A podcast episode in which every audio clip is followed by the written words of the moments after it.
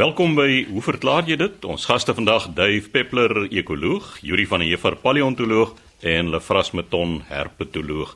Dave, jy gesels oor dikkop dinamika en ek vermoed dit het niks met sinusontsteking of verstopping te doen nie.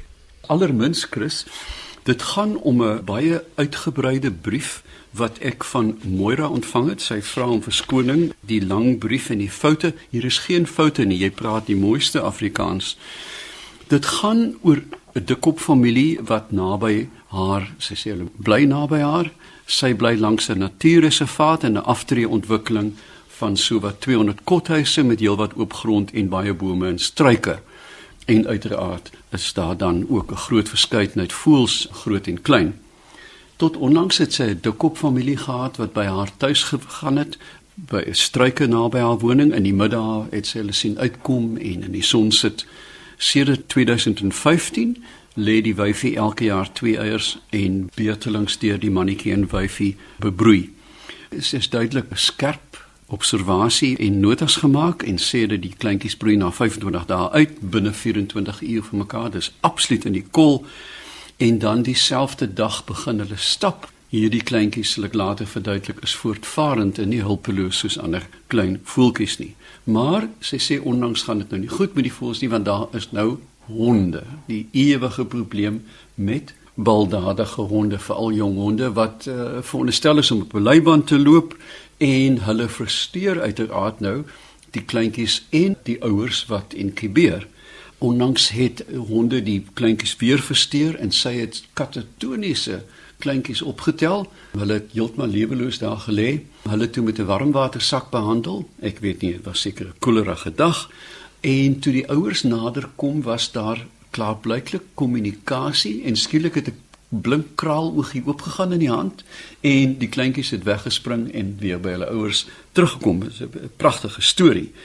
Nou vra sy na aanleiding van haar notas en wat sy sien, weet ons presies wat gebeur het tussen ouer en kleintjie? Is daar kommunikasie? Het sy onnodig ingemeng? Wat natuurlik 'n etiese vraag is, moet ek die natuur sy gang laat gaan? Is stres moontlik die oorsaak dat die tweede broeisel nie suksesvol was nie? Hoe groot moet die gebied wees waarin 'n dikkop voorkom?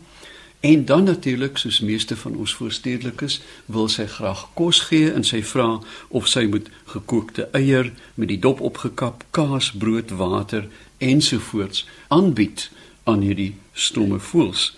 Laastens vra sy dan dik kop. Die Engelse naam is deesdae thick knee, 'n nie dik kop nie en sy vra wat die oorsprong daarvan is. Nou ja, dis 'n mondvol Moira en kom ons begin dan by die begin. Die dikkop is natuurlik 'n alombekende standvoel en klink so.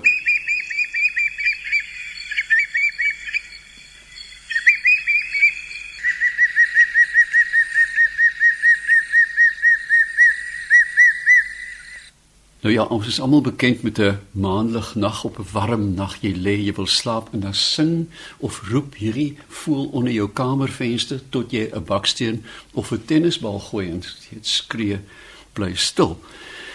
As 'n mens dan gaan kyk, ek dink die beste bron wat ons het is Robert se sewende uitgawe, 'n reusagtige swaar boek. 'n Vriend van my het uh, sy bejaarde ma die boek gewys en toe sy dit vir haar aangegee het, sy en die boek omgeval. Die ding weeg 'n aantal kilogram voor tog mevrou Martin en die boek moes opgetel word.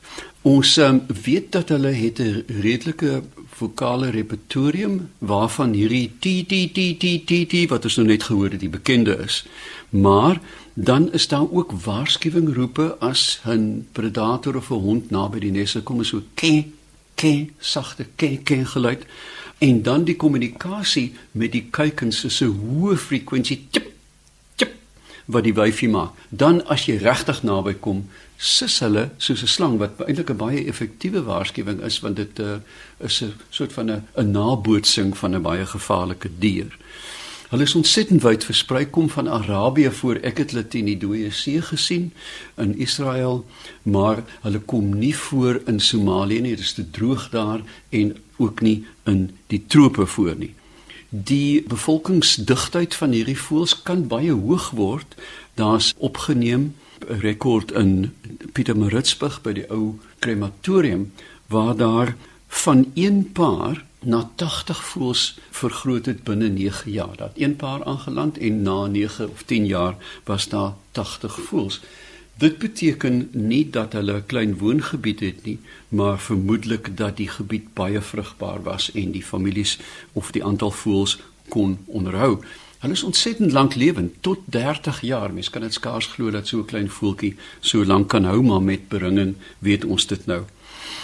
Hulle is veral aangepas deesdae om in dorpe en stede voor te kom met rugbyvelde en sportgebiede en wye sypaadjies en so ons sien hulle letterlik binne verkeer. Ek het al gesien by groot by N1 en 2 op daai eilandjie in die middel daar sit 'n dikop. Hulle is standvoels en beteken ook dat hulle nie eintlik wyd migreer nie. Hulle sal seisoonaal 'n bietjie rondtrek, maar nie oor die landskap hier nie.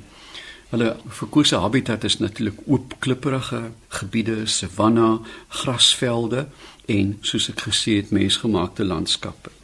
Buite die broeiseisoen kan tot 70 van hulle bymekaar kom. Hulle is byna so spreeus in die winter en dan staan die hele spannetjie mistroostig en droewig in die middel van die rugbyveld. Hulle vreet 'n ontsaglike wye basis van organismes torre en termiete, spinnekoppe, baardskeerders, skerpioene, duisendpote, min voels eet duisendpote, miet, oorkruipers, weet nie, nie waar hulle dit op die rugbyveld kry nie, wespe, bye, mure, skoenappers, motte, bitsprinkane, krieke, wurms en selfs klein amfibieërs sal hulle pak treksprinkane is hulle baie lief voor en dan is daar hoë mortaliteit op ons nasionale paaie waar die sprinkane dan oor die pad gaan word die dikkoppe saam met die sprinkane papgery. Hulle is monogam, met ander woorde, daar is net een mannetjie en 'n wyfie tot een wegval en die gemiddelde woongebied van 'n dikkop is 250 hektaar. Dit is nogals redelik wyd. Die nes is 'n vlak skrapie in die grond wat nie versuur is nie, maar omring is deur 'n aantal klippies of voorwerpe wat hulle kry. In stede word dit soms stukkies plastiek of blik en so aan. Hulle het 'n komplekse gedrag tydens inkubasie en sodra die kleintjies uitbroei, is daar die gebreekte vlerk, gebreekte rug gedrag om predatore se aandag af te lei. Mora is heel reg, die gemiddeld is 1 tot 3 eiers met 'n inkubasie van 24 tot 30 dae. So sê dit baie baie fyn dopgehou.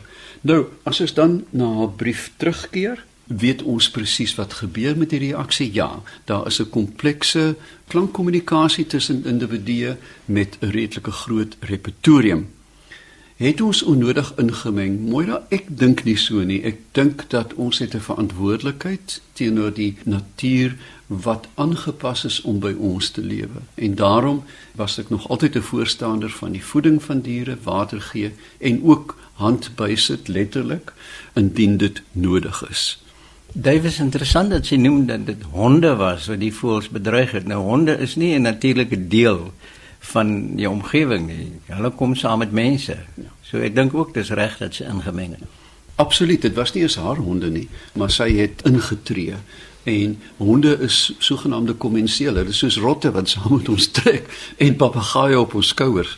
So ek stem werklik daarmee saam is stres die rede hoekom die tweede stel eiers nie uitgebroei het nie. Ek dink duidelik so dit is dalk 'n lefras jy sal met jou duwe weet as jy die broei siklus versteur tot op 'n sekere punt, dan gebeur inkubasie net nie meer normaal daarna nie en baie eiers is meer robuust as anders, maar ek dink dit is die deurlopende steuring wat veroorsaak het dat hulle nie kon uitbroei nie.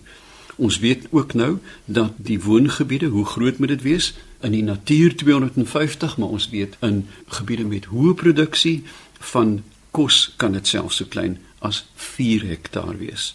In terme van kos aanbied, ek sou beslis nie saad soos hy sê nie want hulle is nie saadvreters nie. Dis toevallig dink ek dat hulle 'n saadjie sou raakpik, maar ek sou voorstel dat indien sy vir hulle hoë kwaliteit kos wil gee om vir hulle gedroogde meelwurms aan te bied. Dit is hiperhoë kwaliteit. Jy kan dit by die kilogram koop by 'n diere winkel en dit is 'n volledige kos met hoë kalsiumvlakke. So, ek dink die kaas en die brood en die water en die eierdoppe kan alles vervang word met 'n ordentlike handjie vol meelwurms elke dag. oor die benaming laastens, die dikkop. Die voel het 'n redelike groot kop en 'n baie groot oog, helder geel oog, maar ek dink dat dik knie dalk 'n beter Afrikaanse benaming sou gewees het. Dave, is dit dalk moontlik mense verwar soms die dikkop met die kiwit want dit is baie dieselfde en 'n kiwit het 'n klein kopie dat dit werklik dat die mense so onderskeid getref het tussen die kiwit en die dikkop. Jy's reg, hulle vras beide is standvoels en beide het roepe wat baie na mekaar klink. Eintlik word 'n dikkop beskou as 'n waadvoël, as 'n watervoël, want jy kry ook die waterdikkop.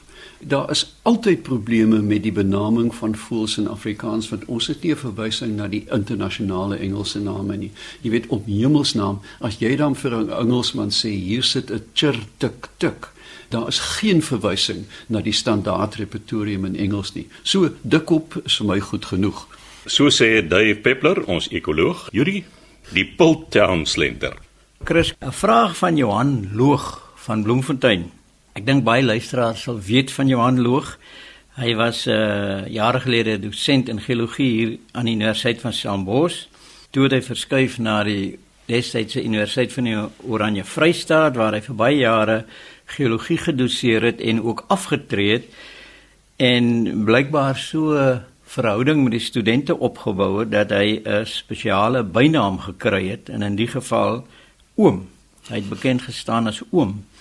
Wat nogal iets sê van sy verhouding met die studente. Nou, hy is 'n kenner, geologie kenner. Hy is 'n spesialis van die eh, Witteberg formasie. En hy is ook 'n kenner van die Boereoorlog en Boereoorlog wapens. Wat hy wel voorbekend is en mense het hom miskien al op televisie gesien, daaroor is die spesiale hond wat hy gehad het, 'n Staffordshire Terrier wat kon somme doen. En hy het altyd met die hond sulke toertjies gedoen tot hy nou vir my verduidelik het die geheim is eintlik om 'n sleutelwoord te hê. En die sleutelwoord sê nou maar was definitief. Dan het hy allerlei somme vir die hond gevra. Hy het dit so gestel dat hy verkeerde antwoorde gee en dan reageer die hond nie. En dan as hy uiteindelik nou die regte antwoord gee en dan in die sin sê hy dan dis nou definitief die antwoord. Dan erken die hond die woord en dan blaf hy.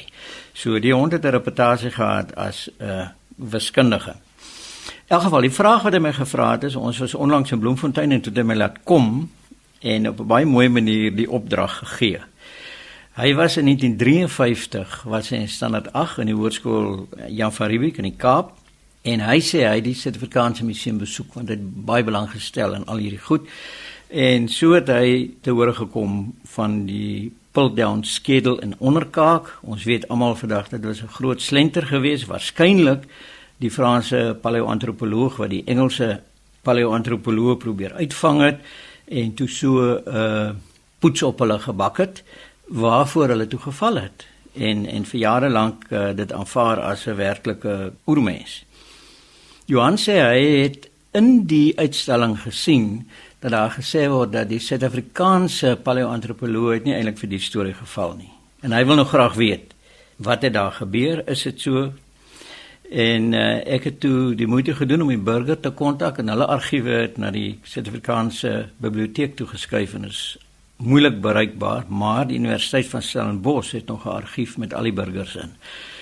Die is toe uitgehaal en ek kry toe nou die berig, eerste en die tweede berig hieroor. Want Piltdown was 'n kontroversie geweest. Op die stadium wat dit beskryf is, het jy nou 'n uh, anatomies moderne mensskedel gehad, dit wil sê met 'n groot brein, maar die kaak was baie primitief. So dit het sekere Engelse wetenskaplikes genoop om te sê maar dit is hoe die mens evolusie ontwikkel het dat die groot brein eers ontwikkel het en daarna weet ons mos nou met Dart se publikasie van Australopithecus africanus en al die goed is dat die brein klein gebly het en dat ander menslike kenmerke soos uh, bipedalisme, tweebenigheid en die goed eers ontwikkel het en daarna het die brein vergroot. So dit was 'n kontroversiële fonds En uh, daar word ewe sarkasties gesê dat sommige van die Engelse paleoantropoloë baie graag hierdie bevinding wou ondersteun want dit sou beteken dat die eerste moderne mense Engelsman gewees het. In elk geval Wat toe gebeur het is dat op uh, Saterdag die 21 November 1953 het die Times in Londen toe berig dat 'n uh, jong wetenskaplike het 'n fluoortoets gedoen op van die tande en uitgevind dat dit 'n resente primaat is, waarskynlik 'n orang-outang skedel wat gevuil en gekleur is om nou by die ander skedel te pas. En wat nogal verbaas het is dat die burger op maandag 23 November, dis net 2 dae later in 1953 het hulle toe 'n berig en die berig se kop is toe vals skedel het geleerders jare lank geflous op die voorblad van die burger. Ek weet nie of dit korrek is om te sê Dave dat dit 'n vals skedel was nie, want dit was inderdaad 'n skedel. Die die skedel is nie vals nie, maar toe word daar die berig gepubliseer En toe op Woensdag die 25 November toe kom die tweede berig in die burger met die titel en Johan hier was jy heeltemal reg geweest in jou herinneringe want Johannes is al ouer as 80 en hy onthou nou uit standaard 8 uit. SA geleerdes het al lankal aan die kakebeen getwyfel.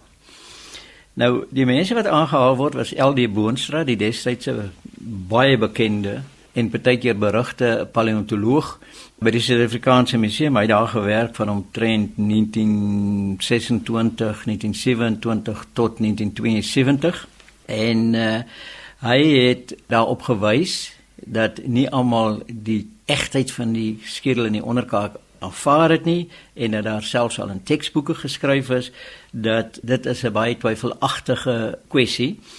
Die tweede persoon wat genoem word was uh, professor MR Drennen. Hy was hoof van anatomie by die Universiteit van Kaapstad. Hy het ook daaraan getwyfel en hy het ook genoem dat hy al in een van sy boeke 'n klompie jare van tevore reeds genoem het dat daar twyfel bestaan oor hierdie fonds dat dit eintlik nie inpas by wat mense op daardie stadium geweet het van menslike evolusie nie en daarom is dit gewoonlik uh, geïgnoreer. Trouwens, die wat ons dink wat die ou is vir die poets gebakke talle de Chardin het in sy hele lewe lank, want hy was self 'n suksesvolle paleoantropoloog, het nooit na Piltdown verwys nie. En daar is geskrifte, briewe wat gewissel is wat toon dat hy waarskynlik die Engelse paleoantropoloog wat miskien 'n bietjie uh, neusoptrekkerig was teenoor hom as 'n jong jesuitiese priester Hy wou hulle 'n poets gebak het en die poets het ongelukkig geslaag en toe hy nou sien hulle neem dit ernstig op toe kon hy nou regtig nie na vore kom en sê maar ek het dit gedoen nie want dan sou sy loopbaan waarskynlik daarmee heen wees.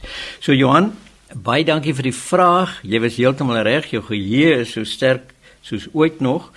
En dit is een van die interessante punte dat daar dikwels wanneer daar teen evolusie gepraat word, dan word die pull down slenter altyd of soos die burger dit beskryf het as 'n foppery dan word dit altyd opgeroep en gesê maar kyk evolusie is eintlik verkeerd want hierdie ding was uh, slenter gewees en almal het dit geglo wetenskaplikes weet nie wat hulle doen nie. Die teendeel is egter waar want uh, nie almal het dit aanvaar nie baie daaroor getwyfel en uiteindelik was dit 'n wetenskaplike wat teruggegaan het die materiaal weer getoets het en toe die regte ding uitgevind het. So eintlik is dit nie 'n uh, argument teen evolusie nie, dis 'n redelik goeie argument om te wys hoe die wetenskaplike metode werk en heeltyd weer goed onder die aandag bring en dit weer analiseer. So, dankie Johan. So sê Yuri van der Heever, ons paleontoloog, laas dan die woord Lefras Meton, herpetoloog. Lefras, jy naakte slakke in die huis. Chris, ons het hierso 'n brief ontvang van 'n luisteraar van Stellenbosch wat graag anoniem wil bly. Ek dink dit gaan oor die naakte slakke nie. Sy sê sy woon op, op 'n plaas net buite Stellenbosch en dan die afgelope paar maande, as ek so kyk na die datum 16 November, so dit sal al seker nou September, Oktober, November van die vorige jaar wees, kom daar nou op 'n gereelde grondslag naakte slakke in die huis in en dan los hulle nou hulle slijmspore oral. En sy sê sy het in die Noord-Kaap groot geword en sy kan nie onthou dat sy daar baie naakte slakke gesien het en dan sê sy ook buite die huis sien sy nooit hierdie naakte slakke nie. En nou wil sy weet hoekom kom hulle in die huis in en hoe kan sy keer dat hulle in die huis inkom sonder om gif en ander middels te gebruik wat hulle sal doodmaak. En sy wil ook weet of die droogte hier in die Weskaap dalk iets met hierdie gedrag te doen het. Sy sê daar is 'n plaasdam op die plaas waar sy woon. Nou Juri Ek dink Dave hierdie slakke is maar al hier in die dorpsgebiede is mos maar gewoonlik hierdie uitheemse ingevoerde goed wat saam met potplante ingekom het en hier's 'n hele paar naakte slak spesies hier in die Stellenbosch omgewing. Die slakke is natuurlik net in die aand aktief want omdat hulle naak is is die gevaar van uitdroging baie goed. So dit is waarskynlik die rede mense sien hulle nie maklik raak nie of die slakke nou in die huise inkom agter water aan.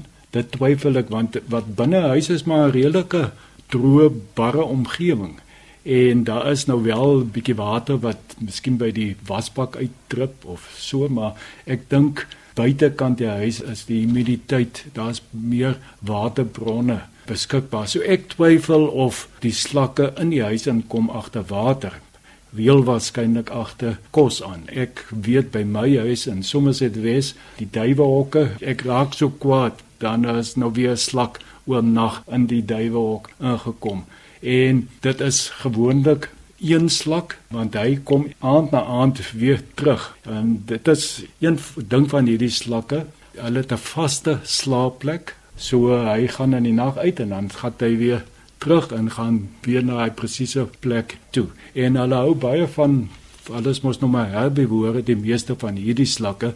En soos plantmateriaal enige sade of sulke tipe goede wat hulle soek So ek is nie seker of ons hierso met 'n klomp slakke te doen het nie. Dit is waarskynlik een slak wat inkom en weer uitgaan en natuurlik hy loop bietjie rond en nou dink jy dit is baie slakke.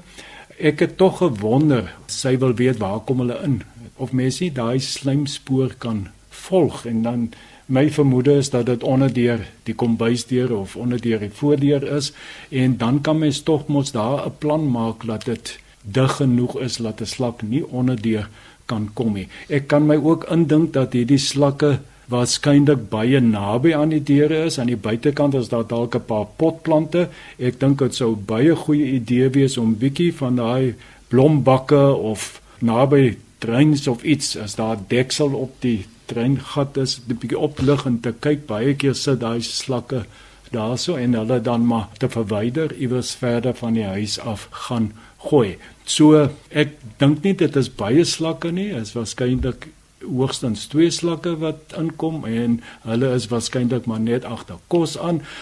Dalk het die droogte aan die buitekant dat dit nou so droog word dat hulle nou van die potte word nou nie meer nat gegooi nie en weet al daardie dinge en dat hulle nou eintlik op soek is na klammer plekke. Dit is 'n moontlikheid.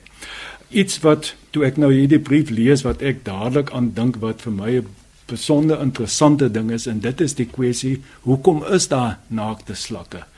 Want dit is so 'n uitdroging probleem en dit is waarskynlik hoekom hulle nie sê hulle nie baie in die Noord-Kaap gesien het hier daardie area is waarskynlik te droog vir die slakke. Dis meer in die klammer omgewingswoude en ja waar die reënval hoër is. So hoekom het die slakke nie doppe nie? Want die landslakke kom van marine slakke wat doppe gehad het. En dit is net die een groep van die marine slakke, die gastropoda wat op land gekom het en daarvan hulle het nou hulle doppe verloor.